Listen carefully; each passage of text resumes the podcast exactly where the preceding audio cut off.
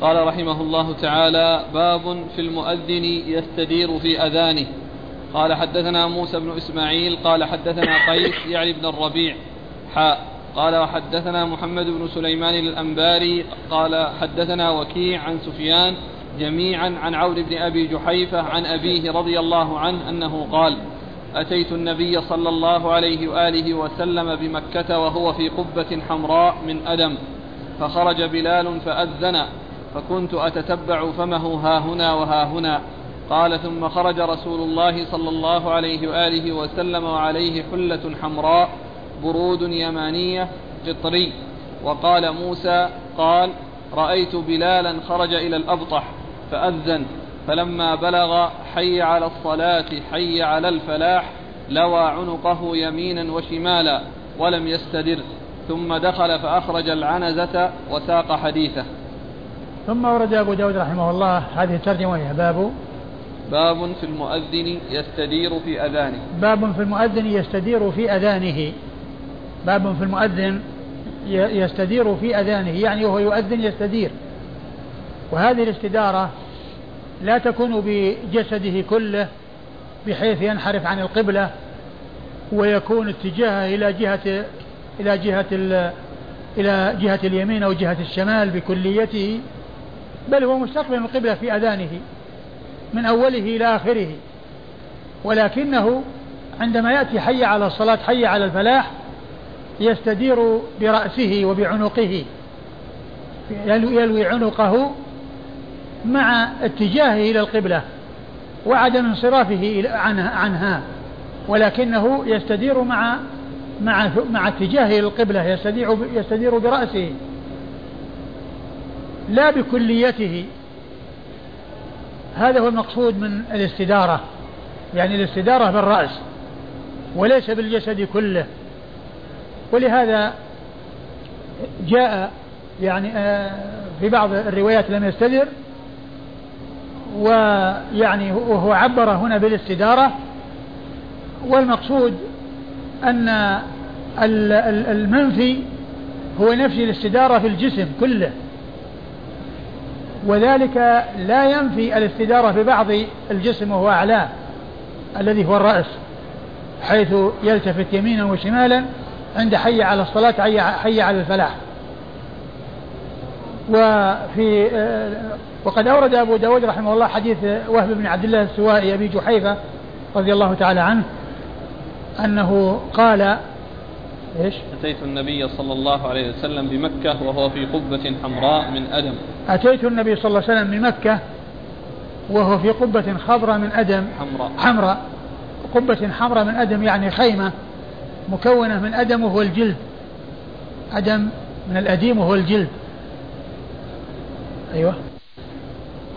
قال فخرج بلال فأذن فكنت أتتبع فمه ها هنا وها هنا. قال فخرج بلال فأذن فكنت أتتبع فمه ها هنا وها هنا. وهذا هو المقصود بالاستدارة في الأذان.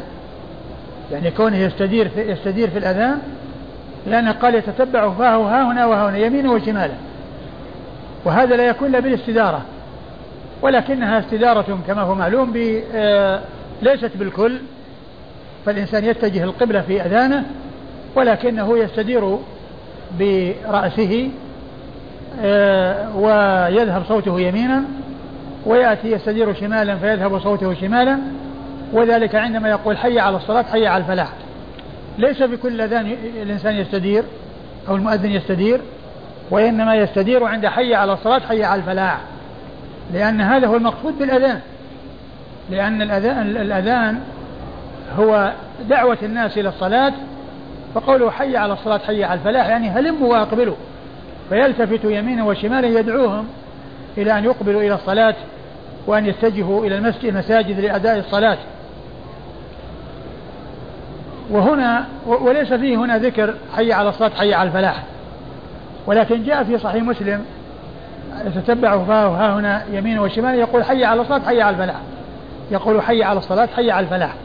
يعني أن هذا هذه الاستدارة وهذا الالتفات يمينا وشمالا يكون عند حي على الصلاة حي على الفلاح. أيوه. ثم خرج رسول الله صلى الله عليه وآله وسلم وعليه حلة حمراء برود يمانية خطري ثم خرج رسول الله وعليه حلة حمراء برود يمانية يعني ال ال يعني يعني هذه الحلة حلة مكونة من برود يمانية. وقال قطري قيل إنه نسبة إلى مكان في البحرين وقال له قطر. وقيل يعني آه، لعله كأنه قطري. يعني وبهذا يعني آه، يستقيم. يعني كونها يمنية وكونها قطري لأن كونه يماني غير كونه قطري. ولكن يعني معناه آه، كأن فيه تشبيه. نعم. وقال موسى قال رأيت بلالا خرج إلى الأبطح فأذن فلما بلغ حي على الصلاة حي على الفلاح لوى عنقه يمينا وشمالا ولم يستدر. وقال موسى وهو ابن إسماعيل يعني شيخ أبو داود في هذا الحديث آه، خرج بلال الأبطح إلى الأبطح يعني بمكة. خرج بلال؟ نعم. رأيت بلالا. أيوه. خرج إلى الأبطح فأذن. خرج إلى الأبطح يعني مكان وهو المكان الذي كان نزله الرسول صلى الله عليه وسلم في حجته. قبل الحج وبعد الحج. لأنه كان عليه الصلاة والسلام آه، في حجه نزل بالأبطح أربعة أيام قبل الحج وفي وبعد الحج يعني لما نزل وصار آه، يعني ال ال آه، عندما أراد أن يسافر إلى المدينة نزل بالأبطح أيضا بعدما رجع من من منى. نعم خرج إلى الأبطح. نعم. أيوه. فأذن فلما بلغ حي على الصلاة حي فأذن فلما بلغ حي على الصلاة حي على الفلاح لوى عنقه. لما بلغ حي على الصلاة. وهذا فيه أن هذا الالتفات في الأذان إنما يكون عند حي على الصلاة حي على الفلاح. وقد جاء ذلك في صحيح مسلم في حديث أبي جحيفة حيث قال آه، أتتبع فاه, فاه ها هنا وها هنا يقول حي على الصلاة حي على الفلاح. يقول حي على الصلاة حي على الفلاح. ولو عنقه يعني معناه إنه التفت يمينا وشمالا ولم يستدر يعني ولم يستدر بكليته.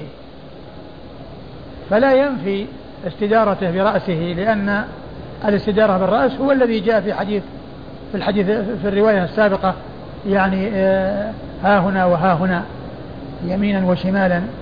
يقول حي على الصلاة حي على الفلاح. ولم يستدر يعني يستدر بكليته. نعم. ثم دخل فأخرج العنزة. ثم دخل فأخرج العنزة وهي العصا التي في رأسها حديدة وكانت تنصب لرسول الله صلى الله عليه وسلم تكون سترة له يعني يصلي يعني إليها. نعم. وساق حديثه. نعم. قال حدثنا موسى بن إسماعيل. موسى بن إسماعيل التبوذكي البصري ثقة أخرج له أصحاب الكتب الستة. عن قيس يعني ابن الربيع. عن قيس يعني ابن الربيع وهو صدوق أخرج له أبو داود والترمذي وابن ماجه. صدوق أخرج له أبو داود والترمذي وابن ماجه. حاء قال وحدثنا محمد بن سليمان الأنباري. قال حاء وحدثنا محمد بن سليمان الأنباري وهو صدوق أخرج حديث أبو داود وحده. عن وكيع. عن وكيع بن الجراح الرؤاسي الكوفي وهو ثقة أخرج له أصحاب الكتب الستة. عن سفيان. عن سفيان وهو الثوري. سفيان بن سعيد مسروق الثوري. ثقة فقيه وصف بأنه أمير المؤمنين في الحديث وحديثه أخرجه أصحاب الكتب الستة. جميعا عن عون بن أبي جحيفة.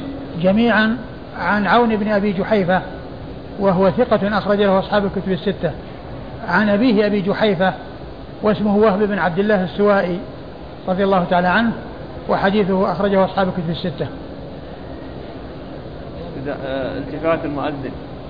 التفات المؤذن في حي على الصلاة على الفلاح. مما يتفق في الأذان والإقامة أو مما يختلف فيه. والله الذي يبدو أنه في الأذان. الذي يبدو في الأذان لأن ال لأن ال الإقامة الناس يعني موجودين وحاضرين بخلاف الأذان الأذان هو الذي يحتاج إلى أن يلتفت هنا وهنا ويرفع صوته. والله هو مطلوب بس ما أدري يعني إيش حكمه يعني. ما هو مطلوب.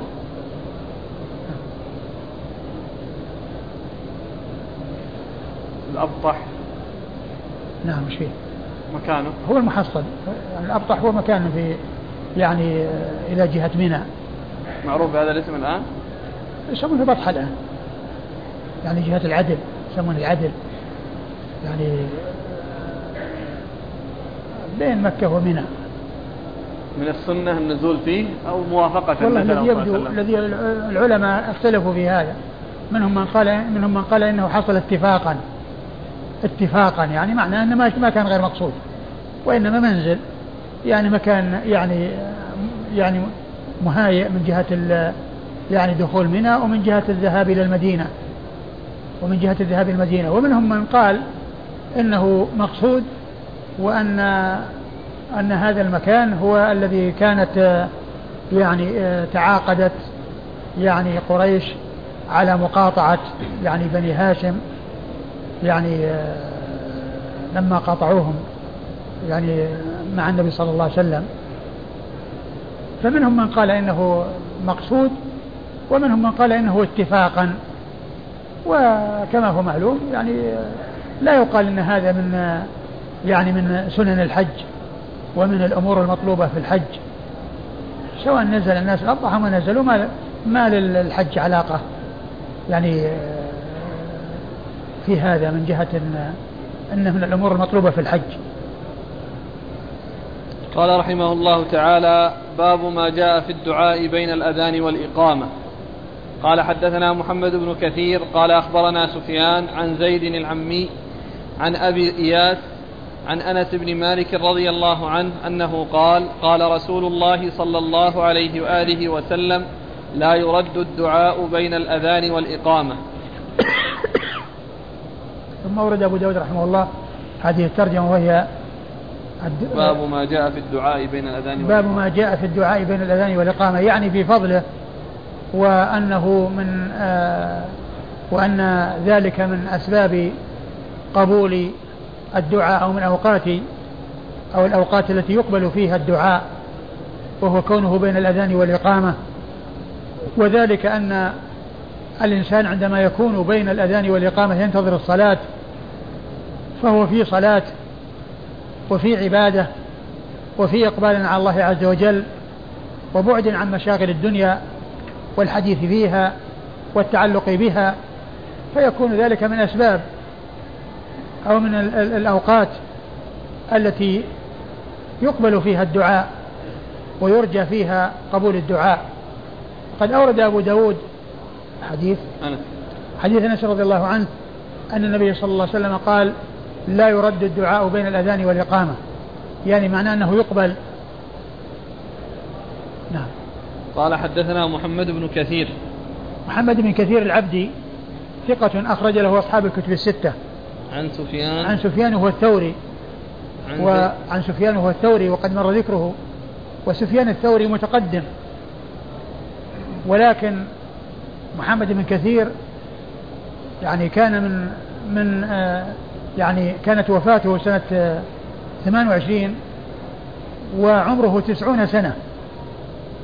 والثوري توفي سنة 161 فكون الثوري متقدم الوفاة إلا أن هذا يعني آه، عمره طويل بلغ 90 سنة وكان يعني من كبار يعني شيوخ البخاري وشيوخ أبي داود لأنه روى له البخاري وروى له أبو داود. روى له البخاري وأبو داود يعني بغير واسطة. فهو من كبار الشيوخ ومعمر ولهذا أدرك الثوري وروى عن الثوري مع أن الثوري كانت وفاته سنة 161 نعم. عن زيد العمي. عن زيد العمي هو زيد بن الحواري العمي وهو ضعيف أخرج له. أصحاب السنن. أصحاب السنن أخرجه أصحاب السنن. عن أبي إياس. عن أبي إياس وهو معاوية بن قرة وهو ثقة أخرجه أصحاب الكتب الستة. عن أنس. عن أنس بن مالك رضي الله عنه صاحب رسول الله صلى الله عليه وسلم وأحد السبعة المعروفين بكثرة الحديث عن النبي صلى الله عليه وسلم والحديث في إسناده زيد العمي ولكنه جاء من طرق أخرى فهو ثابت عن رسول الله صلى الله عليه وسلم وهو يدل على فضل الدعاء في ذلك الوقت. والله أعلم وصلى الله وسلم وبارك على عبده ورسوله نبينا محمد. وعلى آله وأصحابه أجمعين جزاكم الله خيرا وبارك الله فيكم ونفعنا الله بما قلتم يقول السائل هل من لم يسمع الأذان ولكن يعلم أن وقت الصلاة قد حان فهل يكون فهل تكون صلاة الجماعة واجبة عليه؟ نعم يجب على الإنسان يعني أن يحرص على الجماعة وأن ينتبه للأذان وأن آه، يرتب نفسه على أساس أنه يكون في ذلك الوقت الذي وقت الأذان يعني منتبه وإذا كان مستيقظ نائما يعني يوصي من يوقظه أو يجعل ما ينبهه و ولا يعني ولا يكون الأمر يعني معناه أنه يعني آه، يسمع الأذان بل عليه أن يتنبه وأن آه، يتحرى. ما يكون يعني آه، يغفل ويعرض.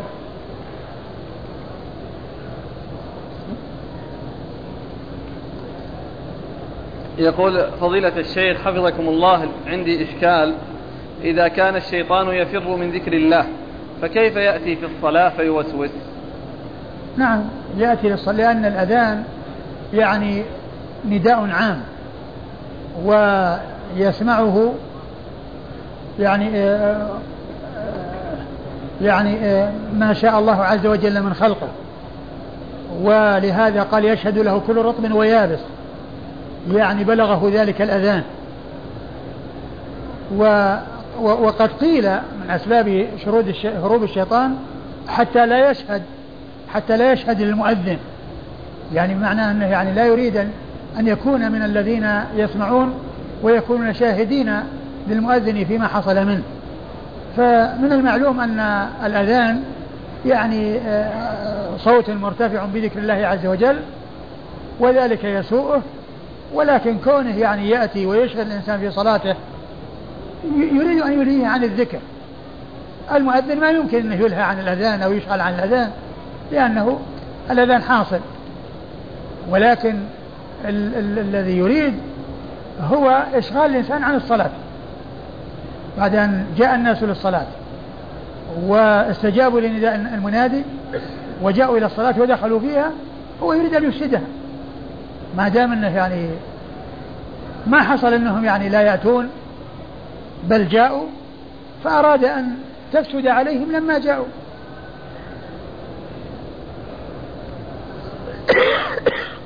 صلاته صلى الله عليه وسلم إلى بيت المقدس. ذكر أنه ستة عشر شهرا غير ما ذكر في حديث معاذ الذي مر فهل هي زيادة شاذة أم ماذا؟ لا ثابتة. الزيادة هي الثابتة وقد جاءت في الصحيحين. وأما هذه جاءت في هذه الطريق. يعني فهي يعني تعتبر يعني آه، ضعيفة. يعني من جهة آه، أن فيه انقطاع وليس لها ما يشهد لها ومن جهة أيضا أن يعني في إسناده يعني آه، أحد الأشخاص اللي اللي اللي هو يخطئ ما أدري يعني ما اسمه. لكن اللي في الصحيحين 16 شهرا 17 شهرا هذه هي الثابتة. وأما 13 شهرا غير ثابتة. فيه المسعودي اختلط. نعم فيه المسعودي نعم. وفيه انقطاع. بين ابن أبي ليلى ومعاذ. نعم الانقطاع بين أبي ليلى ومعاذ والمسعودي.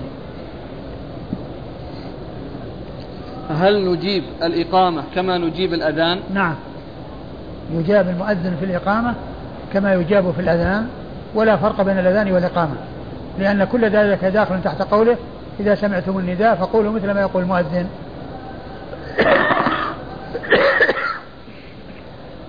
متى يقام إلى الصلاة؟ حين إقامتها. نرجو إذا إذا سم إذا إذا بدأ بالقامة وإذا سمع صوت المؤذن ينادي بالإقامة يقوم الناس. بعض الناس يعني بعض العلماء يقول إنه يعني يقوم عند قد قام الصلاة. قد قام الصلاة. والذي يبدو أن أن الإقامة ما دام أنها شرعت للإخبار بالقيام إلى الصلاة فإذا سمعها أو سمع البداية بها يقوم إلى الصلاة. أيهما أفضل الأذان أو الإمامة؟ والله كلهم فيهم خير كثير. أقول كلهم فيهم خير كثير. الإمامة والأذان. لكن يعني كما هو معلوم المسؤولية في, في الإمامة أكبر من المسؤولية يعني في في الأذان. لهذا جاء في حديث مالك بن الحويرث ليؤذن أحدكم وليؤمكم أكبركم. ليؤذن أحدكم أي واحد. هل الإفطار والإمساك عن الطعام مرتبط بأذان المؤذن؟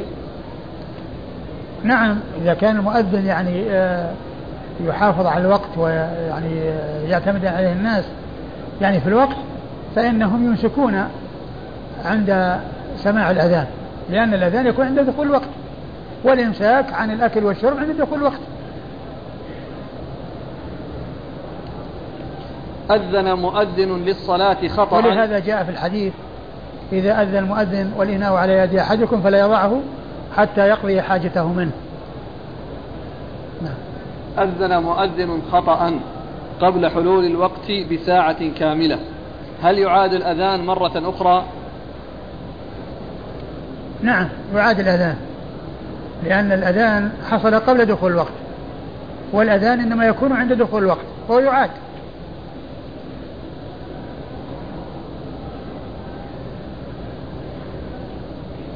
حتى يتنبه الناس لأن بعض الناس قد يعني يصلي ولكن إذا سمع الأذان يعني عرف في خطأ. إذا عرف أن الأذان أعيد عرف أن فيه خطأ. فإذا كان قد صلى يعيد صلاته يعني أصحاب البيوت أو النساء في البيوت. رجل كلف رجلا آخر بشيء يعمله فجاء على الموعد فقال له أين هذا الذي كلفتك به؟ فقال فقال له والله إنها في السيارة وهو كاذب في يمينه لأنه يعرف أنه ما عمل ذلك العمل والآن يسأل ما, ما هي الكفارة؟ هذه يمين غموس لأنها يعني حلف على خبر وليست حلف على أمر يفعل في المستقبل يعني يحنث أو لا يحنث لأن ال ال ال اليمين التي لها كفارة هي التي تكون على أمر مستقبل يعني يفعل ثم لا يفعل أو يريد أن يفعل ثم فعل فحصل الحنث فتحصل الكفارة. والنبي صلى الله عليه وسلم قال لا أحلف أني لا أحلف على يمين فأرى غيرها خيرا منها إلا كفرت عن يميني وأتيت الذي هو خير. وأما الحلف على شيء خبر فهذه هي اليمين الغموس التي تغني صاحبها بالإذن. لأن وما فيه إلا كون الإنسان يتوب إلى الله عز وجل ويندم ويستغفر ويستوحش من هذا الذنب وليس له كفارة يعني التي كفارة الإطعام أو العتق أو الصيام عند عدد أو أو أو الكسوة لعشرة مساكين أو الصيام لمن لم يستطع لا هذا ولا هذا ولا هذا لأن هذا ليس له كفارة ما في إلا الاستغفار من هذا الذنب وهذا الكذب العظيم. نعم. في في بعض البلاد الإسلامية بعض المؤذنين يقولون بعض الأدعية قبل الأذان الأول للفجر فما حكم ذلك؟ لا يجوز أن يضاف إلى الأذان شيء لا قبله ولا بعده. ولا أن يسمع الناس عن طريق المؤذن يعني شيء من الكلام قبله أو بعده لأن ألفاظ الأذان محصورة. وليس للإنسان أن يعني يسمع الناس أو ينادي بأشياء يسمعها الناس إلا الكلمات التي شرعت في الأذان.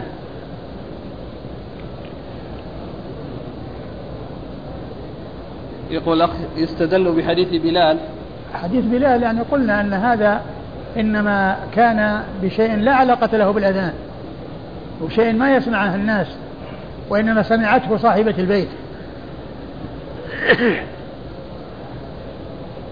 فتاة بلغت سن الحيض وهي لا تطيق الصيام وبقيت سنتين تعالج في الصوم شدة ويغشى عليها فتفطر. وهي الآن بلغت حوالي أربعين سنة فتسأل عن حكم السنتين المذكورتين. تقضي. أقول الشيء الذي أفطرته يعني لضعفها أو لمرضها تقضيه ولكنها تطعم عن كل يوم مسكين لكونها أخرت ذلك. لماذا عند ذكر الأئمة كيف يا شيخ تأخرت؟ يعني أخرت عن رمضان. يعني إذا تأخر إلى رمضان آخر يعني مع القضاء إطعام مسكين. لماذا عند ذكر الأئمة دعا لهم بالرشاد وعند دعائه للمؤذنين دعا لهم بالمغفرة؟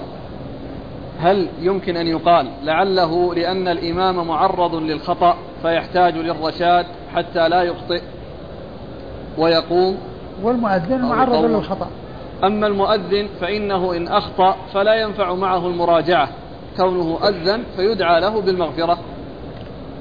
هو قيل أن أن الدعاء بالإرشاد لأن هؤلاء الذين تحملوا شيئا وصفوا بأنهم ضامنون يحتاجون إلى العون والتسديد والدلالة على أن يؤدوا هذه المهمة على الوجه الذي يسلمون فيه من التبعة وأما المؤذنون فالقضية إخبار بالوقت وهو شيء يعني آه، آه، متعلق بالأمانة. وإذا حصل منهم يعني شيء من الخطأ الغير المقصود فهذا الدعاء بأن يتجاوز الله عنهم يعني ذلك الخطأ. لما لم يحصل للشيطان عند الإقامة ما يحصل له عند الأذان. هل في هذا إشارة إلى أنهم كانوا لا يرفعون الصوت بالإقامة؟ حصل حصل. لأنه يعمل عند الإقامة مثل ما حصل عند الأذان. فإذا ثوب إلى الصلاة فإذا ثوب إلى الصلاة آه عاد إيش الحديث؟ أدبر. نعم. أدبر. لا لعله يقول في الأذان وله ضراط حتى لا يسمع التأذين. أو بعدين؟ فحتى إذا توب بالصلاة أدبر. آه. حتى إذا قضى التأذين أقبل. يعني معناها مثل ما حصل في الأول. أقول مثل ما حصل في الأول. أليست السنة أن يذهب برأسه أي المؤذن جهة اليمين في حي على الصلاة وجهة اليسار في حي على الفلاح؟ ما أدري يعني قضية كونه يعني يقصر هذا على اليمين أو يعني أو المهم أنه يعني يلتفت يمينه وشماله عند حي على الصلاة حي على الفلاح. أما كون يقصر هذه على كذا وهذه على كذا لا جزاكم الله خيرا وبارك الله فيكم. قال الإمام أبو داود السجستاني رحمه الله تعالى باب ما يقول إذا ما, ما يقول إذا سمع المؤذن. قال حدثنا عبد الله بن مسلمة القعنبي عن مالك عن ابن شهاب عن عطاء بن يزيد الليثي عن أبي سعيد الخدري رضي الله عنه أن رسول الله صلى الله عليه وآله وسلم قال إذا سمعتم النداء فقولوا مثل ما يقول المؤذن. بسم الله الرحمن الرحيم. الحمد لله رب العالمين وصلى الله وسلم وبارك على عبده ورسوله نبينا محمد وعلى آله وأصحابه أجمعين. أما بعد يقول الإمام أبو داود رحمه الله تعالى باب ما يقول إذا سمع النداء. يعني باب الذي يقوله الإنسان الذي يسمع النداء ماذا يقول حين يسمع النداء؟ و والمقصود أن الإنسان عندما يسمع المؤذن يؤذن فإنه يقول مثل ما يقول المؤذن. تماما إلا في حي على الصلاة حي على الفلاح فإنه يستثنى من هذا العموم ويقول بدل حي على الصلاة حي على الفلاح لا حول ولا قوة إلا بالله. كما جاء ذلك مبينا في حديث عمر بن الخطاب رضي الله عنه الذي سيأتي. وعلى هذا فقوله آه وعلى هذا حديث أبي سعيد الذي أورده أبو داود تحت هذه الترجمة وهو قوله إذا سمعتم النداء فقولوا مثل ما يقول المؤذن. هو باق على عمومه في جميع ألفاظ الأذان ويستثنى من ذلك الحي علتان حي على الصلاة حي على الفلاح. فإن السامع يقول بدلا من ذلك لا حول ولا قوة إلا بالله. لا يقول حي على الصلاة حي على الفلاح لا حول ولا قوة إلا بالله. فيجمع بين الحيعلة والحوقلة. وإنما يأتي بلا حول ولا قوة إلا بالله فقط كما جاء ذلك مبينا في حديث عمر الذي سيأتي. وعلى هذا فقوله صلى الله عليه وسلم إذا سمعتم النداء فقولوا مثل ما يقول المؤذن. هذا خص منه آه الحيعلتان فإنه يؤتى بحي بلا حول ولا قوة إلا بالله عندهما. وذلك أن ألفاظ الأذان كلها ذكر فالإنسان يذكر الله عز وجل. إذا قال الله أكبر الله أكبر يقول الله أكبر الله أكبر ذكر لله. وإذا قال أشهد أن لا إله إلا الله يقول أشهد أن لا إله إلا الله وإذا قال أشهد أن محمد رسول الله يقول أشهد أن محمد رسول الله. وإذا قال حي على الصلاة لا يقول حي على الصلاة لأن حي على الصلاة نداء. و آه، طلب من الناس أن يأتوا إلى الصلاة. يعني هلموا وأقبلوا. فهو ليس ذكر وإنما هو دعاء ونداء. وهو الذي يناسب من المؤذن ولا يناسب من غيره. وهو الذي يناسب من المؤذن يقول حي على الصلاة حي على الفلاح. يعني تعالوا. لكن غيره ما يقول حي على الصلاة حي على الفلاح. لأنه لا ينادي أحد. وإنما يأتي بكلام آه، مثل ما يقوله المؤذن. ولكن بدلا من ذلك يقول لا حول ولا قوة إلا بالله. يعني أن ال ال الإتيان للصلاة والتمكن من ذلك لا يكون إلا بحول الله وقوته. ولا حول الإنسان ولا قوة له إلا بالله سبحانه وتعالى. فيقول لا حول ولا قوة إلا بالله. فإذا قال الله أكبر الله أكبر لا إله إلا الله يقول كما يقول. وعلى هذا فإن ألفاظ الأذان كلها ذكر فيقول سامعه مثل ما يقول المؤذن إلا حي على الصلاة حي على الفلاح فإنها ليست بذكر وإنما هي دعاء ونداء وهو يناسب من المؤذن ولا يناسب من غيره فغيره لا يقول كما يقول وإنما يقول لا حول ولا قوة إلا بالله. فهذا خص منه آه هذا الحديث خص منه الحيعلتان فإنه يؤتى بالحوقلة عندهما كما جاء ذلك مبينا في حديث عمر بن الخطاب رضي الله عنه الذي سيأتي. نعم. الصلاة خير من النوم. وإذا قال الصلاة خير من النوم يقول الصلاة خير من النوم. يقول مثل ما يقول المؤذن. عموم قوله صلى الله عليه وسلم إذا سمعتم النداء فقولوا مثل ما يقول فيدخل تحته أن كل الألفاظ الذي آه، يقولها المؤذن يقولها الإنسان سواء في الإقامة أو في الأذان. حتى الإقامة يقول مثل ما يقول المؤذن ويقول قد قامت الصلاة.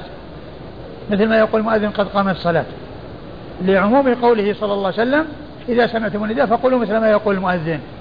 ولا يستثنى من ذلك إلا ما جاء في نص خاص عن رسول الله عليه الصلاة والسلام وهو ال ال وهو حي على الصلاة حي على الفلاح. وما جاء عن بعض أهل العلم أنه يقول صدقت وبررت يعني عند قوله الصلاة خير من النوم هذا ليس عليه دليل. وإنما الدليل هو عموم قوله صلى الله عليه وسلم إذا سمعتم النداء فقولوا مثل ما يقول المؤذن. إذا سمعتم النداء فقولوا مثل ما يقول المؤذن ولا يستثنى من ذلك إلا حي على الصلاة حي على الفلاح. فيقال عندهما لا عند كل منهما لا حول ولا قوة إلا بالله. قال حدثنا عبد الله بن مسلمة القعنبي. عبد الله بن مسلمة القعنبي ثقة أخرج له أصحاب الكتب الستة إلا ابن ماجه. عن مالك. عن مالك بن أنس إمام دار الهجرة الإمام المشهور أحد أصحاب المذاهب الأربعة المشهورة من مذاهب أهل السنة وحديثه أخرجه أصحاب الكتب الستة.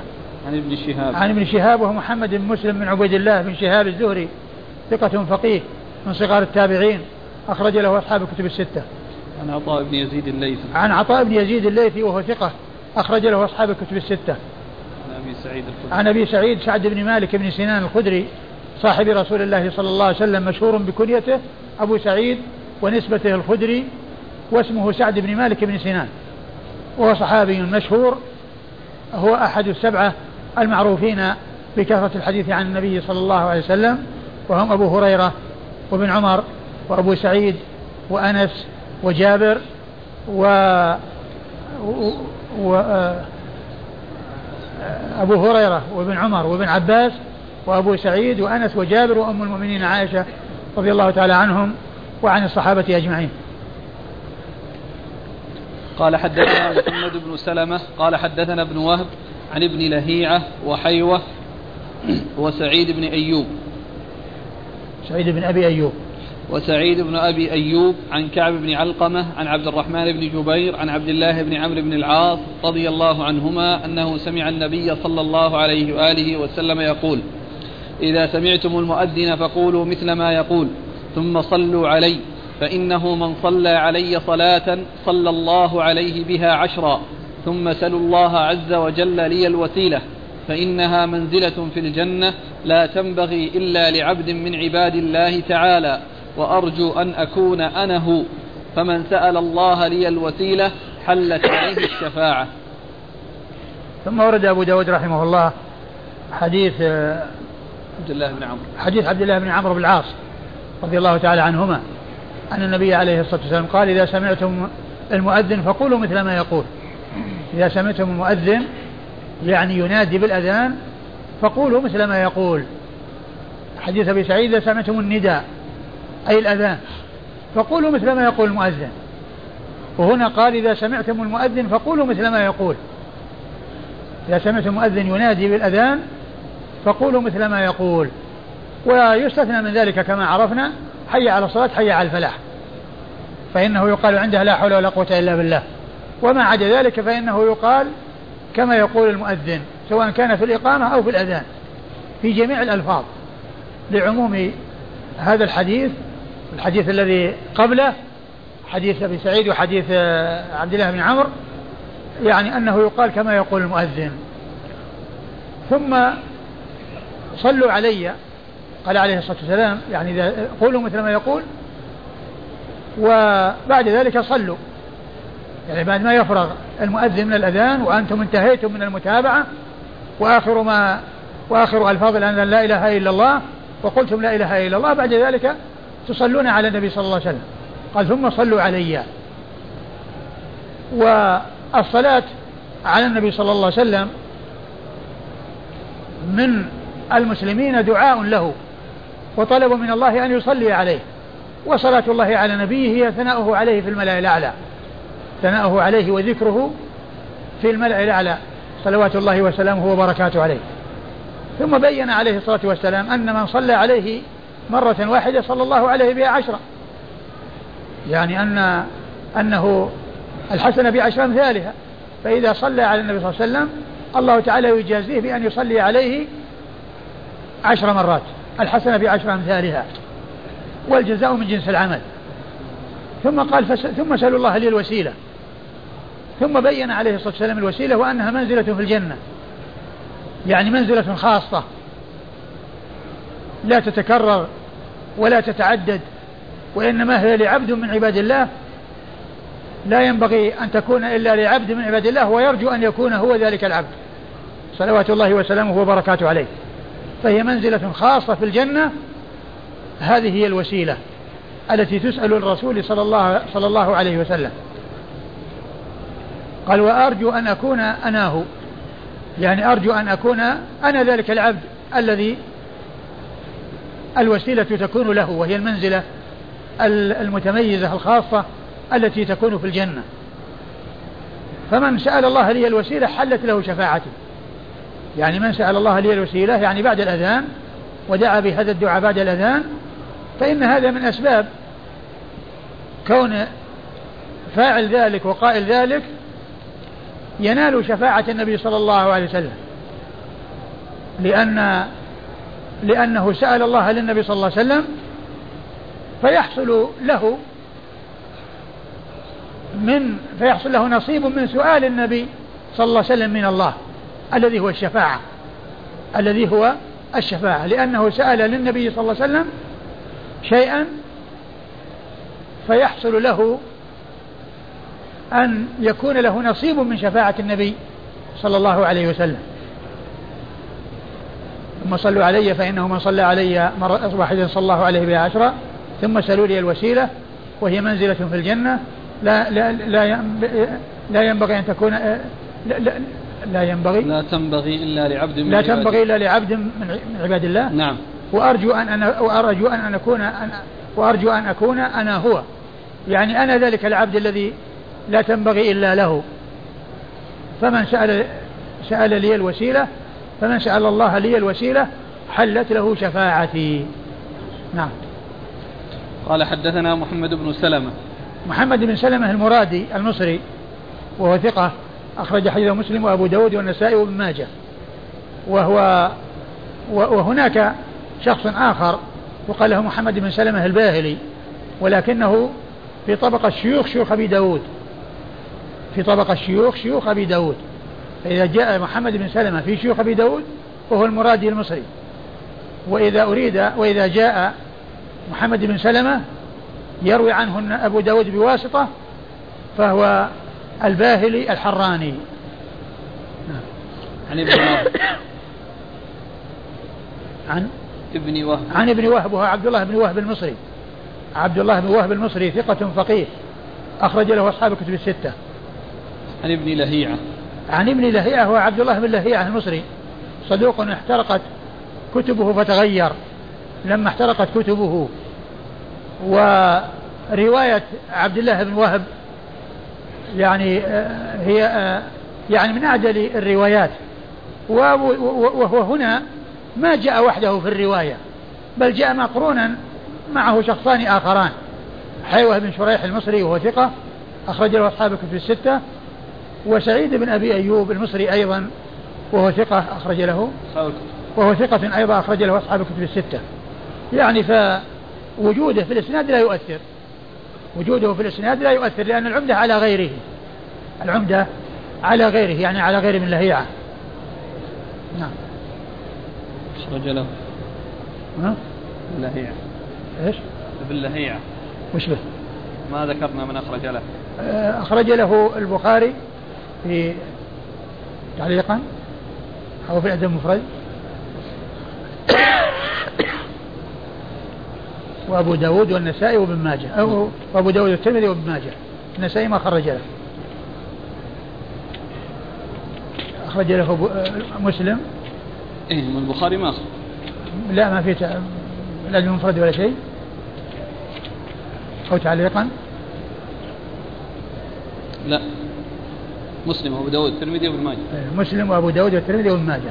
النسائي ما خرج له. وإذا جاء ذكره في مثل هذا الإسناد يعني آه، ثلاثة أشخاص في الإسناد يذكر آه، آه، النسائي غيره ويعبر عنه بقوله ورجل آخر. يعني حتى لا يحذفه مع أنه موجود في الإسناد يذكره ولكنه يذكره مبهما. لأنه لا يخرج له. نعم. عن ابن لهيعة وحيوة وسعيد بن أبي أيوب عن كعب بن علقمة. عن كعب بن علقمة وهو صدوق. نعم. أخرج له البخاري في الأدب المفرد ومسلم وأبو داود والترمذي والنسائي. وهو صدوق أخرج له البخاري في الأدب المفرد ومسلم وأبو داود والترمذي والنسائي. عن عبد الرحمن بن جبير. عن عبد الرحمن بن جبير المصري وهو ثقة أخرج له. مسلم وأبو داود والترمذي والنسائي. مسلم وأبو داود والترمذي والنسائي. عن عبد الله بن عمرو بن عن عبد الله بن عمرو بن العاص رضي الله تعالى عنهما الصحابي الجليل أحد العبادله الأربعة من أصحاب النبي صلى الله عليه وسلم وحديثه أخرجه أصحاب الكتب الستة وهذا الحديث أو هذا الإسناد مسلسل بالمصريين لأن كل الرجال مصريون من أوله إلى آخره.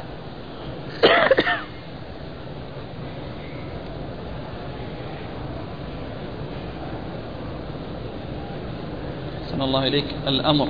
إذا سمعتم المؤذن فقولوا. بعض أهل العلم قال إنه للوجوب. وبعضهم قال إنه ليس للوجوب ويستدلون على ذلك بأن النبي صلى الله عليه وسلم سمع يعني مؤذنا يعني منادي فقال له يعني لما قال أشهد أن لا إله إلا الله يعني أثنى عليه ما أذكر اللفظ الذي قال ولما قال يعني لا إله إلا قال خرج من النار.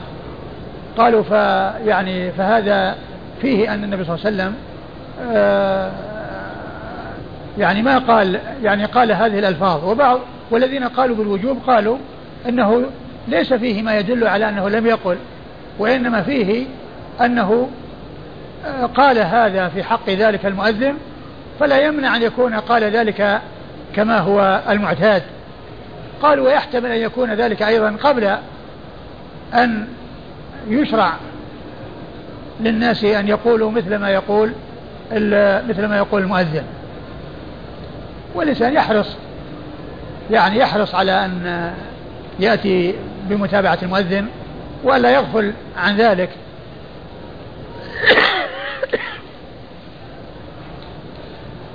قال حدثنا ابن السرح ومحمد بن سلمة قال حدثنا ابن وهب عن حيي عن أبي عبد الرحمن يعني الحبلي عن عبد الله بن عمرو رضي الله عنه أن رجلا قال يا رسول الله إن المؤذنين يفضلوننا فقال رسول الله صلى الله عليه وآله وسلم قل كما يقولون فإذا انتهيت فسل تعطه ثم أورد أبو داود رحمه الله حديث عبد الله بن عمرو العاص.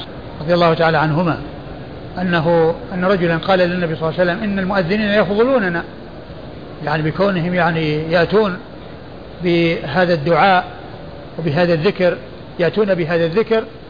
فالنبي صلى الله عليه وسلم قال يعني إذا قل كما يقولون. قل, قل كما يقولون ثم سل تعطى. فإذا انتهيت فسل تعطى. قل كما يقولون. قل كما يقولون يعني تابع المؤذن فيما يقول وأتي بالذكر الذي يقول ويستثنى من ذلك حي على الصلاة حي على الفلاح كما جاء مبينا في حديث عمر رضي الله عنه. فإذا انتهيت فسل تعطى. يعني وهذا يدل على أن الدعاء بعد الأذان من يعني ما يجاب به الدعاء. أنه يجاب. ولهذا قال سل تعطى. يعني يسأل الله لحاجته ولما يريد. فهذا يعني يفيد أنه من مواطن قبول الدعاء. لأنه قال سل تعطى. وهو مثل الذي بين الأذان والإقامة الذي مر الدرس الماضي لا يرد الدعاء بين الأذان والإقامة. قوله يفضلوننا يعني يعني لهم هذا الفضل علينا والميزة علينا وكونهم يتميزون علينا. فالرسول أرشد إلى أن الإنسان يذكر الله كما يذكرون ويأتي منه هذا الذكر كما يأتي منهم ويؤجر على ذلك كما يؤجرون على ذلك. لكن آه كون المؤذنين يعني يتسببون في دعاء الناس ونداء الناس وحضور الناس بسبب يعني دعائهم وتنبيههم وعنايتهم بالأوقات لا شك أنهم يؤجرون على ذلك. ولكن الإنسان الذي ليس مؤذن إذا ذكر الله عز وجل بهذا الذكر الذي ذكره المؤذن فإنه يؤجر على هذا الذكر. ولكن المؤذن كما هو معلوم يعني يتميز على غيره بأنه المتسبب في هذا الخير والمتسبب في دعوة الناس وفي وصول ذلك الصوت إلى الناس. ولكن من, لا من, من سمع فإنه يشارك في الذكر وأجر الذكر الذي آه، يحصل من المؤذن يكون له نصيب من ذلك لأنه يقول مثل ما قال. لكن المؤذن يتميز بكونه دل الناس على الخير وأنه يؤجر بسبب ذلك ويشهد له كل رطب ويابس ويغفر له مدى صوته وغير ذلك من الأمور التي تحصل للمؤذنين من الفضل. إن المؤذنين يفضلوننا. نعم. أيوة. فقال رسول الله صلى الله عليه وآله وسلم قل كما يقولون نعم. فإذا انتهيت فسل تعطه. نعم. قال حدثنا ابن السرح. ابن السرح هو أحمد بن عمرو بن السرح المصري ثقة أخرج له مسلم وأبو داود والنسائي وابن ماجه. ومحمد بن سلمة عن ابن وهب عن حيي. عن محمد ومحمد بن سلمة عن وهب مر ذكرهما وحيي هو ابن عبد الله المصري. وهو صدوق يهم أخرج له أصحاب السنن. صدوق يهم أخرج له أصحاب السنن. عن أبي عبد الرحمن يعني الحبلي. عن عبد الرحمن عن أبي عبد الرحمن وهو عبد الله بن يزيد. وهو عبد الله ابن يزيد وهو ثقة أخرجه أصحاب الكتب. البخاري في الأدب المفرد ومسلم وأصحاب أخرجه البخاري في الأدب المفرد ومسلم وأصحاب السنن. عن عبد الله بن عمرو. عن عبد الله بن عمرو رضي الله تعالى عنهما وقد مر ذكره. قال حدثنا قتيبة بن سعيد قال حدثنا الليث عن الحكيم بن عبد الله بن قيس عن عامر بن سعد بن أبي وقاص عن سعد بن أبي وقاص رضي الله عنه عن رسول الله صلى الله عليه وآله وسلم أنه قال من قال حين يسمع المؤذن وأنا أشهد أن لا إله إلا الله وحده لا شريك له وأشهد أن محمدا عبده ورسوله رضيت بالله ربا وبمحمد رسولا وبالإسلام دينا غفر له. ثم ورد أبو داود رحمه الله آه هذا الحديث عن سعد بن أبي وقاص رضي الله تعالى عنهما رضي الله تعالى عنه أن النبي صلى الله عليه وسلم قال من سمع من سمع من قال حين يسمع المؤذن من قال حين يسمع المؤذن وأنا أشهد نعم. وأنا أشهد أن لا إله إلا الله وحده لا شريك له وأشهد أن محمدا عبده ورسوله. نعم. آه رضيت. رضيت بالله ربا وبالإسلام دينا وبمحمد صلى الله عليه وسلم رسولا غفر له. غفر له. وأنا أشهد أن لا إله إلا الله وحده لا شريك له وأشهد أن محمدا عبده ورسوله. رضيت بالله ربا وبالإسلام دينا ومحمد صلى الله عليه وسلم رسولا غفر له. وهذا يدل على فضل هذا الذكر عند الأذان. و ويحتمل أن يكون الم... أن, أن, أن يكون يؤتى به عند الشهادتين. لأن قال وأنا أشهد لأن أشهد أن لا إله إلا الله وأشهد أن محمد رسول الله. يعني يقول وأنا أشهد أن لا إلا الله محمد رسول الله رضيت بالله ربا وبالإسلام دينا ومحمد صلى الله عليه وسلم رسولا. وبعض أهل العلم يقول أنها يؤتى بها في الآخر. يؤتى بها في الآخر يعني بعد الأذان. ولكن كونه يؤتى فيها بالشهادة وأنا أشهد الذي يبدو أنها عند عند ذكر الشهادة. وأنا أشهد أن لا إله إلا الله وأشهد أن محمد رسول الله رضيت بالله ربا وبالإسلام دينا ومحمد صلى الله عليه وسلم رسولا. وهذه الأمور الثلاث هذه الأمور الثلاثة التي اشتمل عليها هذا هذا الذكر وهي الرضا بالله ربا وبالإسلام دينا وبمحمد صلى الله عليه وسلم رسولا. هذه هي الأصول الثلاثة التي بنى عليها الشيخ محمد بن عبد الوهاب رحمه الله كتابه الأصول الثلاثة وأدلتها. لأن هذه الأصول. معرفة العبد ربه ودينه ونبيه محمد صلى الله عليه وسلم.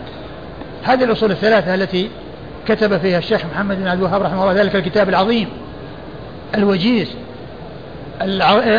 النافع المفيد الذي لا يستغني عنه العام ولا طالب العلم. طلبة العلم بحاجة إليه والعوام بحاجة إليه. هو كتاب العوام والخواص لأنه يتعلق بمعرفة الدين ومعرفة أصول الدين. معرفة العبد ربه ودينه ونبيه محمد صلى الله عليه وسلم. وهي الأمور التي يسأل عنها في القبر. الأسئلة في القبر عن الأمور الثلاثة هذه عن هذه الأصول الثلاثة. يسأل الإنسان عن ربه ودينه ونبيه محمد صلى الله عليه وسلم. ف فهذا الكتاب بني على هذه الأصول وعلى هذه الأمور الثلاثة الرضا بالله ربا وبالإسلام دينا ومحمد صلى الله عليه وسلم رسولا. وقد جاء ذكر ذلك في الأذان وجاء في أدعية الصباح والمساء وجاء أيضا في صحيح مسلم من حديث العباس بن عبد المطلب قال عليه الصلاة والسلام ذاق طعم الإيمان من رضي بالله ربا وبالإسلام دينا وبمحمد صلى الله عليه وسلم رسولا. نعم. قال حدثنا قتيبة بن سعيد. قتيبة بن سعيد بن جميل بن طريف البغلاني ثقة أخرج له أصحاب الكتب الستة. عن الليث. عن الليث بن سعد المصري ثقة فقيه أخرج له أصحاب الكتب الستة. عن الحكيم بن عبد الله بن قيس. عن الحكيم بن عبد الله بن قيس بن مخرمة وهو صدوق. صدوق له مسلم وأصحاب السنة. صدوق أخرج له مسلم وأصحاب السنة. عن عامر بن سعد بن أبي وقاص. عن عامر بن سعد بن أبي وقاص وهو ثقة أخرج له أصحاب الكتب الستة. عن سعد بن أبي وقاص رضي الله تعالى عنه صاحب رسول الله صلى الله عليه وسلم وأحد السبعة المعروفين وأحد وأحد العشرة المبشرين بالجنة رضي الله تعالى عنه وأرضاه.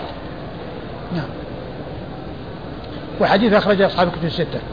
قال حدثنا إبراهيم بن مهدي قال حدثنا علي بن مسهر عن هشام بن عروة عن أبيه عن عائشة رضي الله عنها أن رسول الله صلى الله عليه وآله وسلم كان إذا سمع المؤذن يتشهد قال وأنا وأنا. ثم أورد أبو داود رحمه الله حديث عائشة أن النبي صلى الله عليه وسلم إذا كان سمع عن المؤذن يتشهد يعني يقول أشهد أن لا إله إلا الله وأشهد أن محمد رسول الله قال وأنا وأنا يعني وأنا أشهد أن لا إله إلا الله وأن محمد رسول الله صلى الله عليه وسلم. نعم. قال حدثنا إبراهيم بن مهدي. إبراهيم مهدي مقبول أخرج حديث أبو داود. نعم. أخرج حديث أبو داود وحده عن علي بن مسهر وهو ثقة له غرائب بعدما بعد أن أضر خير أصحاب الكتب. ثقة أخرجه أصحاب الكتب.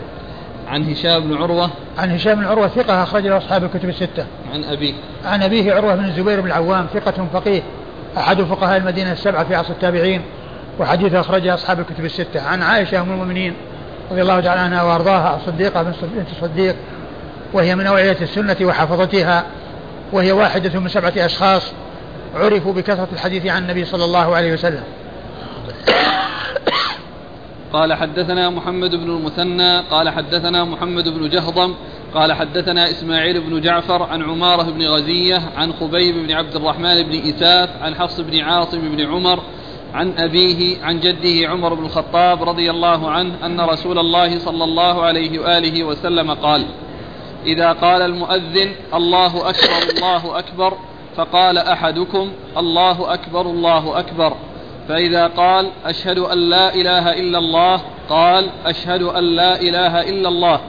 فإذا قال أشهد أن محمدا رسول الله قال أشهد أن محمدا رسول الله.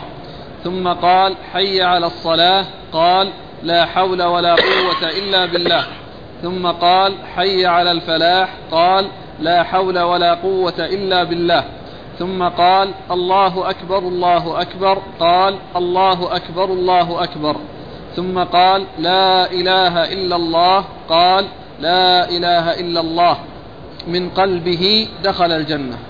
ثم ورد أبو داود رحمه الله حديث عمر بن الخطاب رضي الله تعالى عنهما في متابعة المؤذن والقول مثل ما يقول.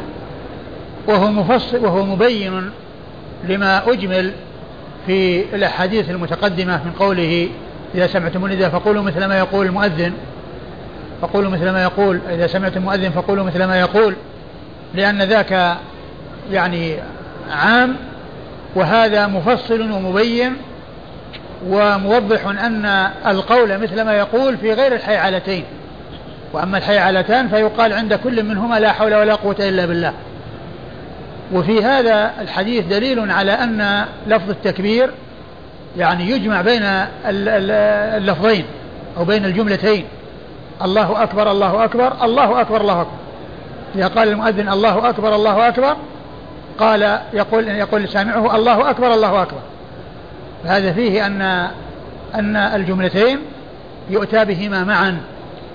والحديث يعني ليس فيه ذكر الأذان بأكمله ولكن ذكر فيه كل جملة تقال. وكما أن التكبير أربع في الأول أتى يعني بتكبيرتين مع بعض وكما أن الشهادة تأتي مرتين أشهد لا إله إلا الله أتى بها مرة واحدة. وشهادة محمد رسول الله أتى بها واحدة حي على الصلاة واحدة وهكذا. لأن المقصود هو بيان المتابعة لا بيان ألفاظ الأذان ومقدار ألفاظ الأذان وأعداد ألفاظ الأذان وإنما المقصود من ذلك المتابعة. وحرق وترك الشيء الذي الذي يكرر. لأن المقصود هو التوضيح. والبيان لما يقوله. وليس هذا بيانا لألفاظ الأذان؟ وأن الأذان يكون بهذه الألفاظ فقط؟ لا. وإنما يكون بالبيان الذي جاء في الأحاديث المتقدمة. ولكن حديث عمر هنا إنما سيق لبيان المتابعة للمؤذن وأنه يقول مثل ما يقول. وليس حصرا لألفاظ الأذان في ذلك. فإن ألفاظ الأذان لا تنحصر في ذلك. وإنما هذا الذي ألفاظ الإقامة هي التي تكون بهذه الطريقة ويزاد عليها لا, لا قد قام الصلاة. وإلا فإن التكرار موجود في الأول التكبير أربع والشهادة لله بالوحدانية مرتين والشهادة لمحمد صلى محمد صلى الله عليه وسلم برسالة مرتين وحي على الصلاة مرتين وحي على الفلاح مرتين والله أكبر في الآخر كما هي مرتين ولا إله إلا الله مرة واحدة.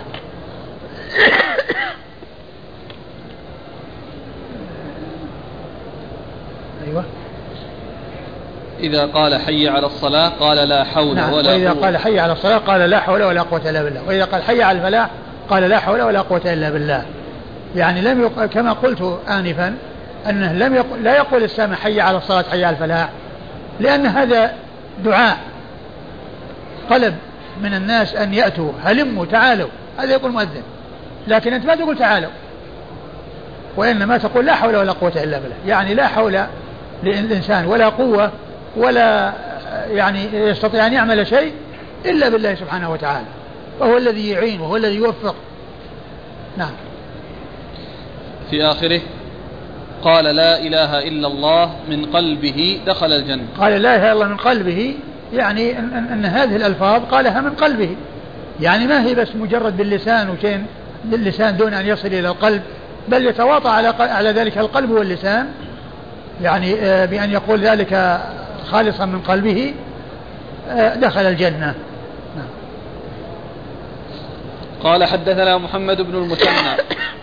محمد المثنى وأبو موسى الزمن العنزي ثقة أخرج له أصحاب الكتب الستة وهو شيخ لأصحاب الكتب الستة. عن محمد بن جهضم. محمد بن جهضم وهو ثقة. صدوق وهو صدوق أخرجه البخاري ومسلم.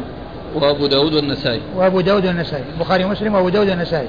عن إسماعيل بن جعفر. عن إسماعيل بن جعفر وهو ثقة أخرج له أصحاب الكتب الستة. عن عمارة بن غزية. عن عمارة بن غزية وهو, وهو, وهو لا بأس به أخرج له. البخاري تعليقا ومسلم وأصحاب السنن. أخرج له البخاري تعليقا ومسلم وأصحاب السنن. عن خبيب بن عبد الرحمن بن إساف. عن خبيب بن عبد الرحمن بن إساف وهو ثقة أخرج له. أصحاب الكتب. أخرجه أصحاب الكتب الستة. عن حفص بن عاصم بن عمر. عن حفص بن عاصم بن عمر وهو ثقة أخرجه أصحاب الكتب. عن أبيه. عن أبيه وهو ولد في حياة النبي صلى الله عليه وسلم وأخرج حديث أصحاب الكتب الستة لابن ماجه. عن جده. عن جده عمر بن الخطاب رضي الله عنه أمير المؤمنين وثاني الخلفاء الراشدين الهادين المهديين صاحب المناقب الجمة والفضائل الكثيرة رضي الله عنه وأرضاه وحديثه عند أصحاب الكتب الستة. قال رحمه الله تعالى باب ما يقول إذا سمع الإقامة. قال حدثنا سليمان بن داود العتكي. قال حدثنا محمد بن ثابت. قال حدثني رجل من أهل الشام عن شهر بن حوشب عن أبي أمامة رضي الله عنه أو عن بعض أصحاب النبي صلى الله عليه وآله وسلم أن بلالا رضي الله عنه أخذ في الإقامة فلما أن قال قد قامت الصلاة قال النبي صلى الله عليه وآله وسلم أقامها الله وأدامها. وقال في سائر الإقامة كنحو حديث عمر رضي الله عنه في الأذان. ثم أورد أبو داود رحمه الله باب ما يقول إذا سمع الإقامة. إذا سمع الإقامة إقامة الصلاة.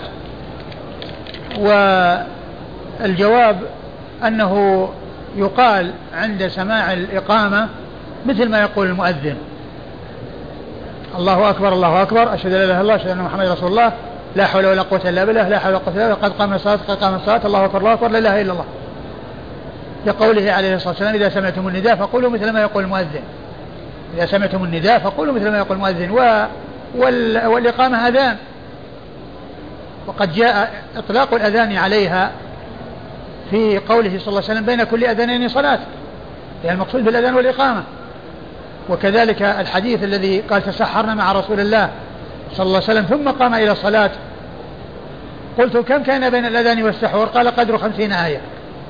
يعني بين الأذان والسحور الأذان اللي هو الإقامة والسحور الذي هو الإمساك عند الأذان. عندما أذن المؤذن وأمسك الناس عند دخول الوقت مقدار خمسين قراءة خمسين آية بين الأذان والإقامة. فأطلق على الإقامة بأنها أذان. وكذلك الحديث الذي مر بنا يعني إذا ثوب بالصلاة يعني رجع إلى النداء لأن الأذان هو نداء ثم قال فإذا ثوب يعني رجع إلى النداء للإعلام بالقيام للصلاة. فالإقامة أذان وهي نداء إلا أن الأذان لإعلام الناس في بيوتهم أن يأتوا والإقامة إعلام الناس بأن يقوموا إلى الصلاة. فالذي تدل عليه الأحاديث هو أن عند الإقامة يقال مثل ما يقول المؤذن تماما ولا يستثنى من ذلك إلا إلا حي على الصلاة حي على الفلاح يقال لا حول ولا قوة إلا بالله. وقد أورد أبو داود رحمه الله في هذه الترجمة حديثا ضعيفا آه، عن عن أبي أمامة رضي الله عنه أن بلالا أخذ في الأذان فلما يعني آه، قال قد قام الصلاة قال عليه الصلاة والسلام أقامها الله وأدامها. أقامها الله وأدامها. وقال في سائر ألفاظ الإقامة مثل ما جاء في حديث عمر في الأذان. يعني معناه يقول مثل ما يقول المؤذن إلا أنه عند قد قام الصلاة قال أقامها الله وأدامها. أقامها الله وأدامها. يعني فهذا الحديث الذي ورد في بيان ما يقال عند الإقامة وهو عند قد قامت الصلاة وباقي الحديث يعني كما هو معلوم يعني يحيل إلى حديث عمر المتقدم وأنه يقول مثل ما يقول الصحيح أنه يقول مثل ما يقول. وهو الذي يقتضيه الأحاديث التي مرت والحديث هذا ليس بصحيح بل هو ضعيف لأن فيه هذا الرجل المبهم الذي هو من أهل الشام مجهول مبهم غير معروف وأيضا يعني فيه شهر بن حوشب وهو كثير الإرسال والأوهام وكذلك فيه أيضا شخص يعني بن ثابت. محمد بن ثابت أيضا صدوق لين الحديث. نعم. قال حدثنا سليمان بن داود العتكي. سليمان بن داود العتكي هو أبو الربيع الزهراني وهو ثقة أخرج له البخاري ومسلم وداود النسائي البخاري ومسلم وأبو داود النسائي عن محمد بن ثابت. عن محمد بن ثابت وهو صدوق لين الحديث أخرج له أبو داود بن ماجه. أو أخرجه أبو داود بن ماجه.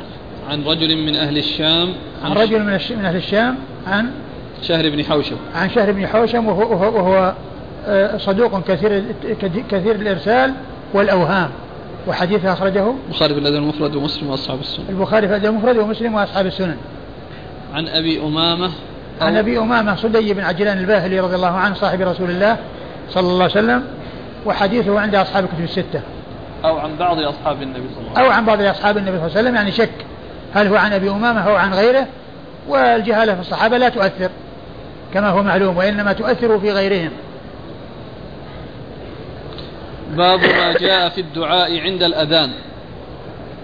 قال حدثنا أحمد بن محمد بن حنبل قال حدثنا علي بن عياش قال حدثنا شعيب بن أبي حمزة عن محمد بن المنكدر عن جابر بن عبد الله رضي الله عنهما أنه قال قال رسول الله صلى الله عليه وآله وسلم من قال حين يسمع الندى اللهم رب هذه الدعوة التامة والصلاة القائمة آت محمدا الوسيلة والفضيلة وابعثه مقاما محمودا الذي وعدته إلا حلت له الشفاعة يوم القيامة.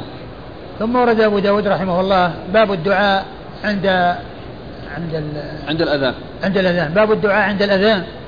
يعني ما يدعو به عند الأذان يعني بعد الأذان يعني بعد ما يفرغ يعني آه، يقول مثل ما يقول وإذا قال المؤذن لا إله إلا الله التي آخر ألفاظ الأذان قال معها لا إله إلا الله من سمعه ثم يصلي على النبي صلى الله عليه وسلم كما مر في الحديث السابق ثم يسأل الله الوسيلة يدعو بهذا الدعاء المشتمل على سؤال الله الوسيلة وغير الوسيلة للنبي صلى الله صلى الله عليه وسلم. فقال أورد أبو داود حديث جابر بن عبد الله رضي الله عنه أن النبي عليه الصلاة والسلام قال من سمع؟ من قال حين يسمع النداء. من قال حين يسمع النداء اللهم رب هذه الدعوة التامة والصلاة القائمة آتي محمدا الوسيلة والفضيلة وابعثه مقاما محمودا الذي وعدته. إلا حلت له الشفاعة يوم القيامة. نعم. إلا حلت له الشفاعة يوم القيامة. ويعني آه يعني عند البخاري يعني ما في إلا يعني حلت له من قال كذا حلت له الشفاعة يوم القيامة حلت له شفاعة يوم القيامة. آه فهذا فيه يعني بيان مشروعية الدعاء بهذا الدعاء وهو للنبي صلى الله عليه وسلم بأن يؤتيه الله الوسيلة والفضيلة ويبعثه المقام المحمود الذي وعده. وأن من فعل ذلك يؤجر بهذا الأجر ويحصل هذا الأجر بأن تحل له الشفاعة. وهو أيضا مطابق لما تقدم حيث قال ثم سألوا لي الوسيلة فإنها منزل الجنة فمن سأل لي الوسيلة حلت له شفاعتي. فمن سأل لي الوسيلة حلت له شفاعتي. وكيف يسأل الوسيلة؟ يقول اللهم رب هذه الدعوة التامة. لأن هذا بيان لكيفية الدعاء لطلب الوسيلة للنبي صلى الله عليه وسلم. اللهم رب هذه الدعوة التامة والصلاة القائمة آتي محمدا الوسيلة والفضيلة وبعثه مقاما محمودا الذي وعدته. والوسيلة بينها رسول الله عليه الصلاة والسلام في الحديث السابق وأنها منزلة في الجنة لا تنبغي إلا لعبد ويرجو أن يكون ذلك العبد صلوات الله وسلامه وبركاته عليه. والفضيلة وهي كذلك يعني آه يعني منزلة عالية أو آه ميزة على غيره. والمقام المحمود وهو الشفاعة العظمى. المقام المحمود هو الشفاعة العظمى التي يحمده عليها الأولون والآخرون. صلوات الله وسلامه وبركاته عليه. وهي الشفاعة للناس في الموقف بأن يخلصهم الله مما هم فيه. وقيل لها المقام المحمود لأنه يحمده عليها الأولون والآخرون. كلهم يستفيدون من شفاعته. من لدن آدم إلى الذين قامت عليهم الساعة. كلهم من أولهم إلى آخرهم. من لدن آدم إلى الذين قامت عليهم الساعة كلهم آه، ينتهون من الموقف بشفاعة النبي محمد صلى الله عليه وسلم. وهذه شفاعة خاصة به عليه الصلاة والسلام من خصائصه صلى الله عليه وسلم. وقيل له المقام المحمود لأنه مقام يحمده عليه الأولون والآخرون. من لدن آدم إلى الذين قامت عليهم الساعة. ولهذا جاء في الحديث أنا سيد الناس يوم القيامة.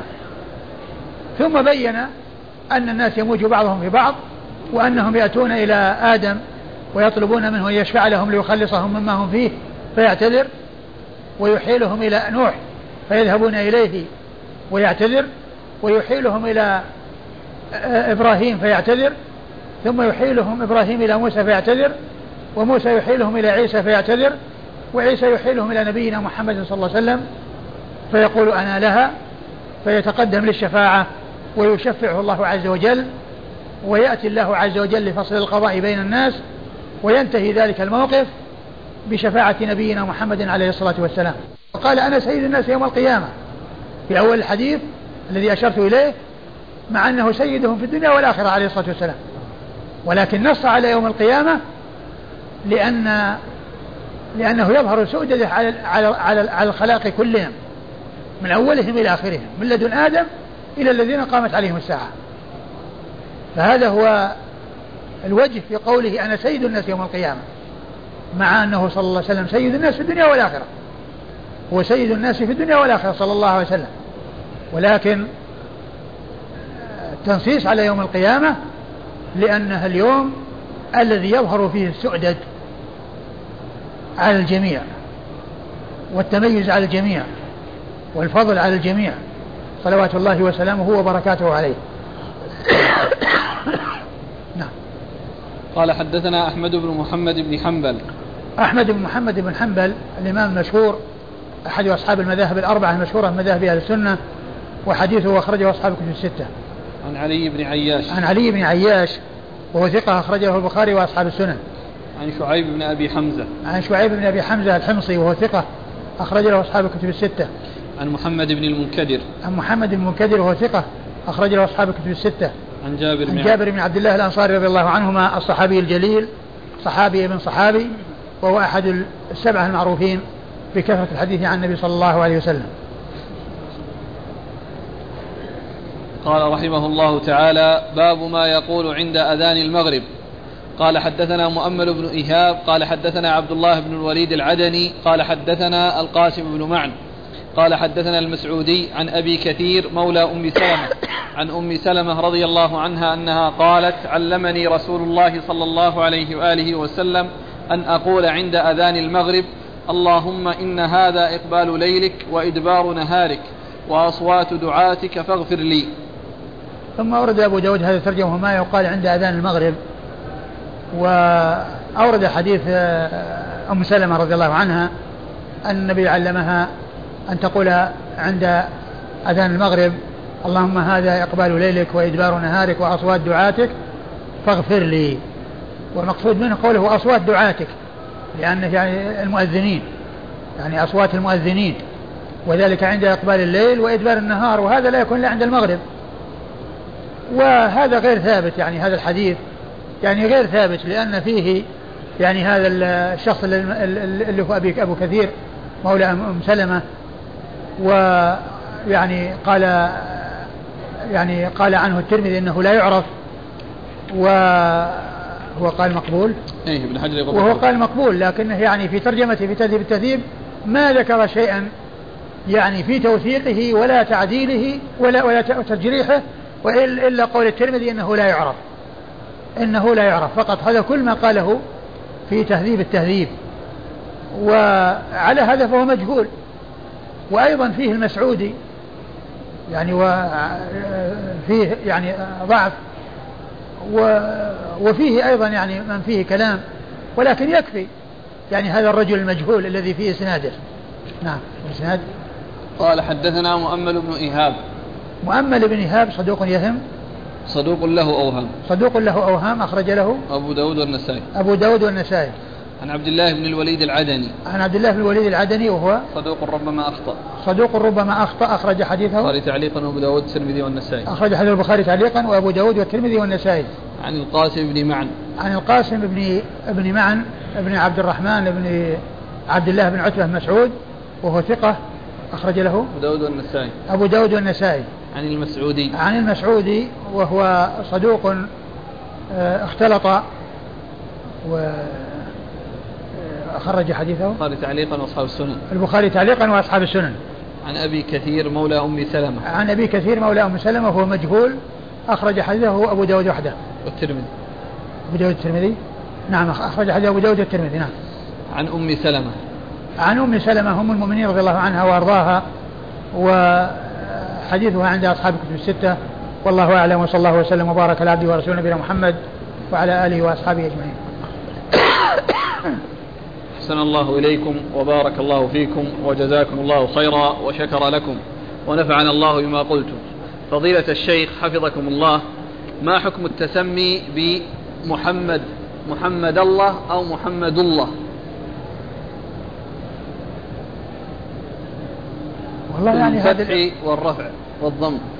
والله يعني هذه الإضافة يعني يعني يسمى بمحمد ويترك يعني ما يضاف إلى ذلك. محمد الله. إيش معنى محمد الله؟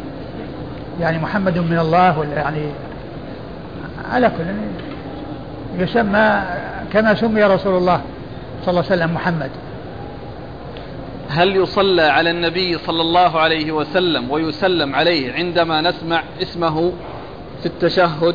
في قول المؤذن أشهد أن محمدا رسول الله. آه الذي ورد الذي ورد أنه يعني يقال مثل ما يقال مثل ما يقول المؤذن. يقول أشهد أن لا إله إلا الله أشهد أن محمد رسول الله. أشهد أن محمد رسول الله. يعني فيأتي بمثل ما يأتي. ولكن إذا صلى على النبي صلى الله عليه وسلم عند ذكره يعني يدخل تحت يعني عموم ما ورد عند الصلاة عليه صلى الله عليه وسلم عند ذكره. لكن الفاظ الأذان يؤتى بها كما جاءت. ويقال مثل ما يقول. ولكن كونه يقول صلى الله عليه وسلم ثم يقول أشهد أن محمد رسول الله كما قال المؤذن؟ لا بأس. لأنه داخل تحت قوله يعني آه أنه ذكر عنده النبي صلى الله عليه وسلم فيصلي عليه. ذكر عنده النبي صلى الله عليه وسلم فيصلي عليه. لكن ما يقول أشهد أن محمد رسول الله صلى الله عليه وسلم؟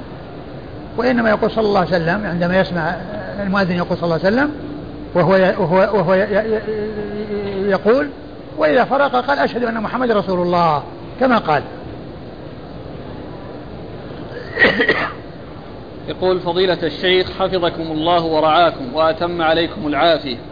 لو أن الحاكم أوقف داعيا أو مفتيا من الفتيا فهل للمفتي السمع والطاعة؟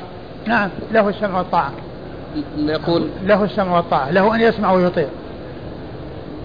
وقد تكون المصلحة في إيقافه وقد يكون يحصل من أشياء تشوش وأشياء يعني ما تليق فكونه يعني يوقفه عليه أنه يمتثل. يقول أحسن الله إليك والسمع والطاعة سواء للحاكم بشريعة الله أو بغيره. هو يعني آه ال ال الإنسان الذي آه يعني له السلطة وله القول ويعني عدم آه السمع له والطاعة يترتب عليه مضرة عليه أن يسمع ويطيع. عليه أن يسمع ويطيع. إذا كان يترتب عليه مضرة. يستطرد فيقول ألا يكون المفتي قد عصى الله وعصى أمر رسوله صلى الله عليه وسلم لقوله بلغوا عني ولو آية؟ يكفيه غيره. أقول يكفيه غيره ممن لا يشوش. جزاكم الله خيرا. ما هو لباس الشهرة وما هي ضوابطه؟ وما لباس, لباس الشهرة هو الذي يعني يتميز به الإنسان ويشتهي به الإنسان ويشار إليه بالبنان. يعني هذا هو الذي يبدو من كلمة الشهرة. طيب يقول ما حكم لبس الثوب في البلد الذي مجتمعه يستغربون ذلك؟ كيف؟ ما حكم لبس الثوب في في بلد مجتمع مجتمعه يستغربون يعني ذلك؟ هذا هو الذي ينبغي أن يترك. يعني حتى يعني لا يشار إليه وحتى لا وحتى لا يتهم في عقله. لبس الثوب في بلد يستغرب إيه. لا هو الشيء الذي لذلك قال وهل يصلح لطالب العلم أن يلبس البنطلون؟ لا هو الثوب والقميص. طبعا هذا لباس المسلمين يلبس الإنسان في أي مكان. لكن يعني كونه يعني في بلد يعني يأتي بلباس يعني غريب على الناس ويعني يشار إليه بالبنان لكن إذا كان لباسا شرعيا كالقميص القميص هذا هو اللباس الشرعي. لذلك يقول هل يصلح لطالب العلم أن يلبس بنطلون إذا ذهب إلى هذه البلدان الكافرة؟ ما ينبغي الإنسان أن يلبس لباس الكفار. ما يصلح الإنسان يلبس لباس الإفرنج يقول إذا عرفنا كتابا وكل ما فيه خير وطيب إلا أن مؤلفه مجهول لا نعرفه. فهل لنا أن نقتنيه؟ إذا كان أنه كلام سليم وكلام مستقيم للإنسان يقتني. ولو كان يعني صاحب مجهول. أقول ما دام أنه يعني كلام حق وكلام مستقيم ما في مانع. ما صحة هذا الحديث؟ قال صلى الله عليه وسلم يا أيها الناس إني قد تركت فيكم ما إن أخذتم به لن تضلوا كتاب الله وعترتي وإن أحدهما أعظم من الآخر كتاب الله حبل ممدود من السماء إلى الأرض وعترتي من أهل بيتي ولن يفترقا حتى يردا علي الحوض.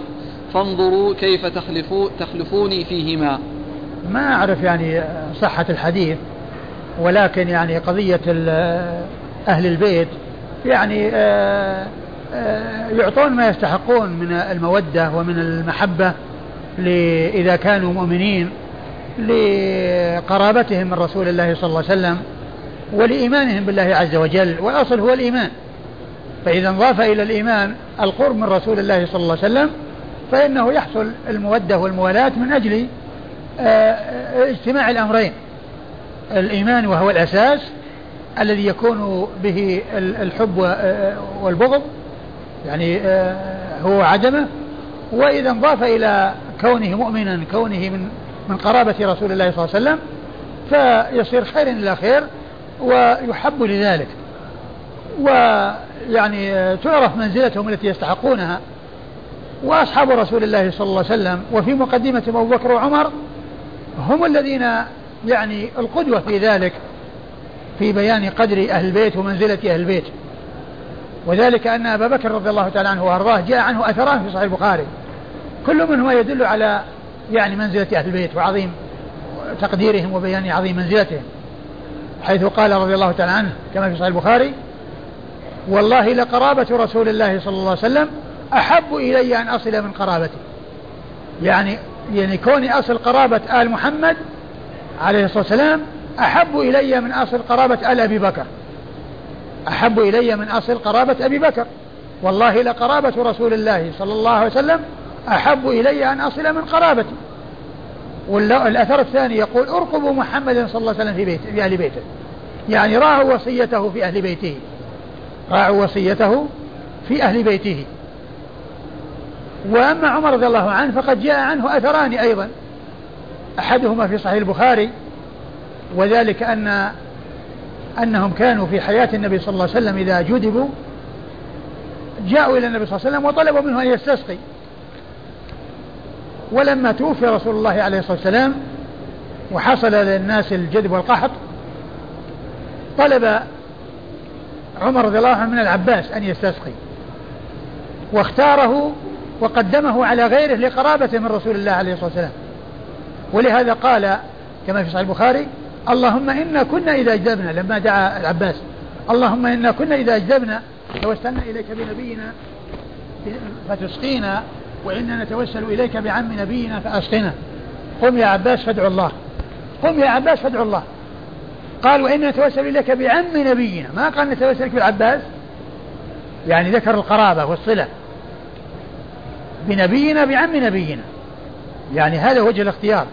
وعمر رضي الله عنه أفضل من العباس وبعض وعدد من الصحابة أفضل من العباس من العباس ولكنه اختاره لقربه من رسول الله عليه الصلاة والسلام. وهذا من يعني معرفتهم قدر أهل البيت وتعظيم منزلتهم. وأيضا جاء عنه عن عمر بن الخطاب رضي الله عنه أنه قال للعباس يعني أنه أن إسلامك يوم أسلمت خير أحب إلي من إسلام الخطاب لو أسلم. أحب إلي من إسلام الخطاب أبوه لأن النبي صلى الله عليه وسلم كان حريصا على إسلامك. لأن النبي صلى الله عليه وسلم كان حريصا على إسلامك يعني يخاطب العباس. فهذا يعني كلام سادة هذه الأمة وخير هذه الأمة. أبو بكر وعمر في حق آل البيت وفي بيان عظيم منزلتهم. ومقدارهم عند الله عز وجل. فإذا صح الحديث فإن المقصود من ذلك هو معرفة منزل قدرهم ومنزلتهم. وهذا الذي يعني أشار إليه أبو بكر وعمر رضي الله تعالى عنهما في يعني هذا الحديث. في في هذين الأثرين.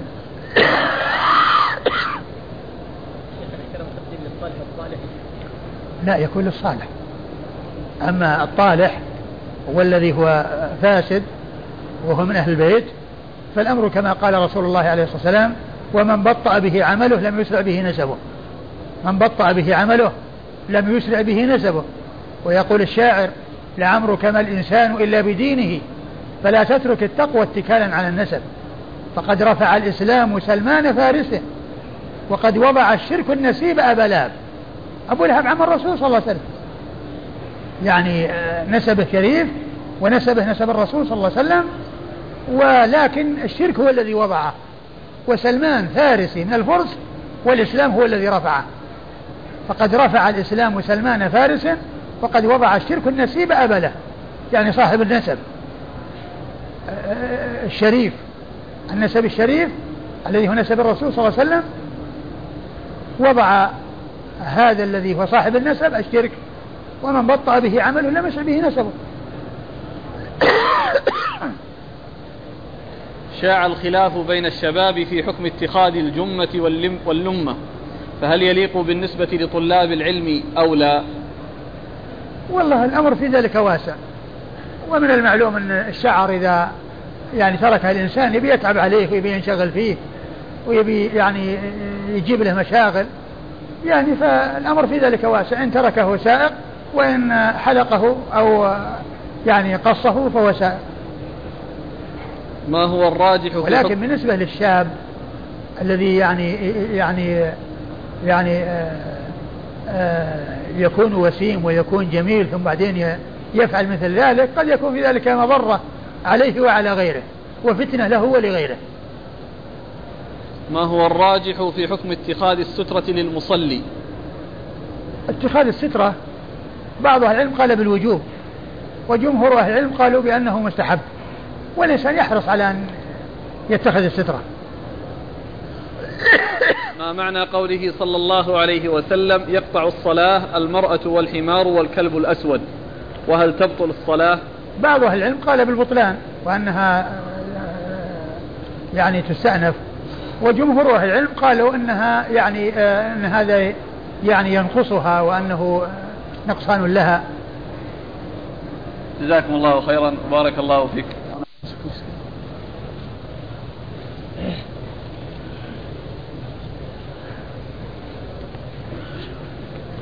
الله الرحمن الرحيم. الحمد لله رب العالمين. والصلاة والسلام على عبد الله ورسوله نبينا محمد وعلى آله وصحبه أجمعين. أما بعد قال الإمام أبو داود السجستاني رحمه الله تعالى باب أخذ الأجر على التأذين. قال حدثنا موسى بن إسماعيل قال حدثنا حماد قال أخبرنا سعيد بن الجريري عن أبي العلا عن مطرف بن عبد الله عن عثمان بن أبي العاص رضي الله عنه قال قلت وقال موسى في موضع آخر إن عثمان بن أبي العاص قال يا رسول الله اجعلني إمام قومي. قال أنت إمامهم واقتد بأضعفهم واتخذ مؤذنا لا يأخذ على أذانه أجرا. بسم الله الرحمن الرحيم. الحمد لله رب العالمين وصلى الله وسلم وبارك على عبده ورسوله نبينا محمد وعلى آله وأصحابه أجمعين. أما بعد يقول الإمام أبو داود السجستاني رحمه الله تعالى باب أخذ الأجرة على التأذين. أي حكم ذلك؟ هل تؤخذ الأجرة على التأذين على الأذان؟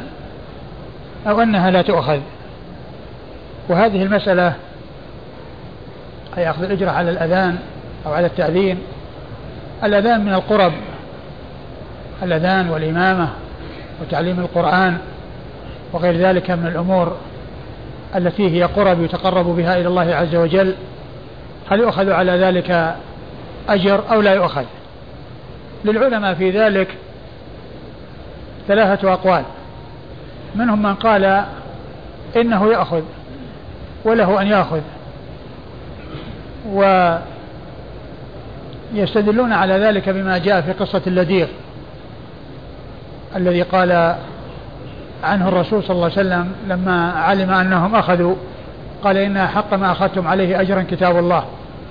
إن حق ما أخذتم عليه أجرا كتاب الله. وبعض أهل العلم قال إن ذلك لا يجوز مطلقا أي أخذ الإجرة ولكن يجوز أخذ الجعل وهو الذي المبلغ الذي يرصد في أوقاف المسلمين أو من متبرع في ذلك أو ما يرصد من بيت المال لمن يقوم بهذه المهمة فهذا جعل لا بأس به. القائلون بالمنع من أخذ الأجرة على على التأذين يرون أن الجعل لا بأس به وهو خلاف الأجرة. لأن الأجرة هي اتفاق وارتباط وأنه لا, يص... لا يعني لا يحصل منه ذلك إلا بمقدار معلوم. وأما الجعل فهو شيء مرصود.